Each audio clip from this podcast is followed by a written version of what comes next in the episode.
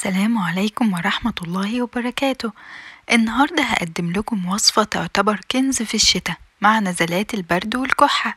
هنعمل سوا إن شاء الله طبق بيعشقه الأطفال مناسب من عمر ست شهور مع شوية تعديلات. وهنضيف عليه مكون سري تأثيره سحري على مناعة الجهاز التنفسي والكحة. الطبخة دي كلها فوايد عظيمة بتقوي النظر والتركيز وبتحسن وظائف الجسم بشكل عام. فتابعوني لنهاية الفيديو وما تنسوش تدعموني ب like وتعليق جميل. المقادير بتاعتنا عبارة عن كوب رز مصري منقوع في مية دافية ونص معلقة ملح لمدة ربع لنص ساعة. بصلة صغيرة مبشورة. فص توم كبير مهروس. كوب بسلة خضرة نص كوب جزر مقطع مكعبات صغيرة. اتنين كوب ماء مغلي أو شوربة. خمسين جرام زبدة أو تلات معالق كبار زيت عباد الشمس. التوابل بتاعتنا عبارة عن معلقة صغيرة ملح ربع معلقة صغيرة فلفل أسود ربع معلقة صغيرة توابل مشكلة أو السبع بهارات.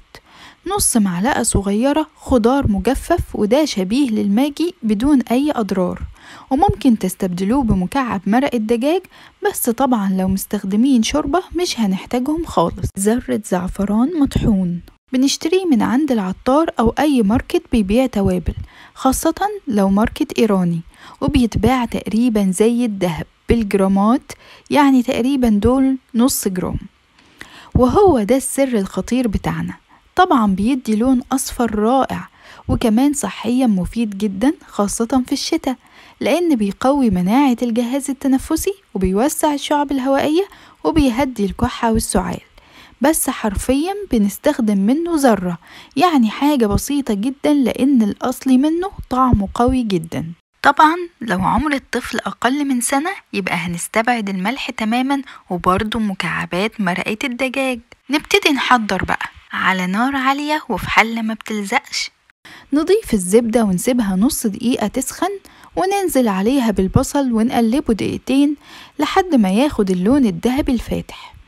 نضيف التوم ونقلبه نص دقيقة يدوب البصل يبقى لونه بني فاتح جدا زي ما شايفين كده. ونضيف الجزر والبسلة والتوابل والمية والماجي أو الشوربة ونقلب الخليط ونظبط الملح ونغطيه على نار عالية لمدة خمس دقايق.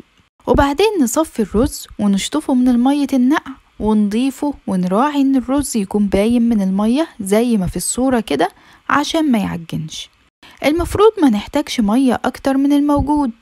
أول ما الرز يغلي نغطي عليه. نقلل النار على أقل حاجة بياخد حوالي عشرين لتلاتين دقيقة وهنلاقي النتيجة الجميلة دي.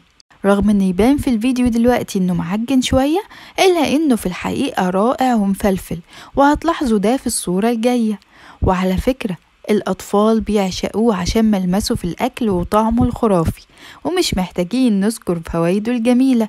بألف هنا على قلوبكم.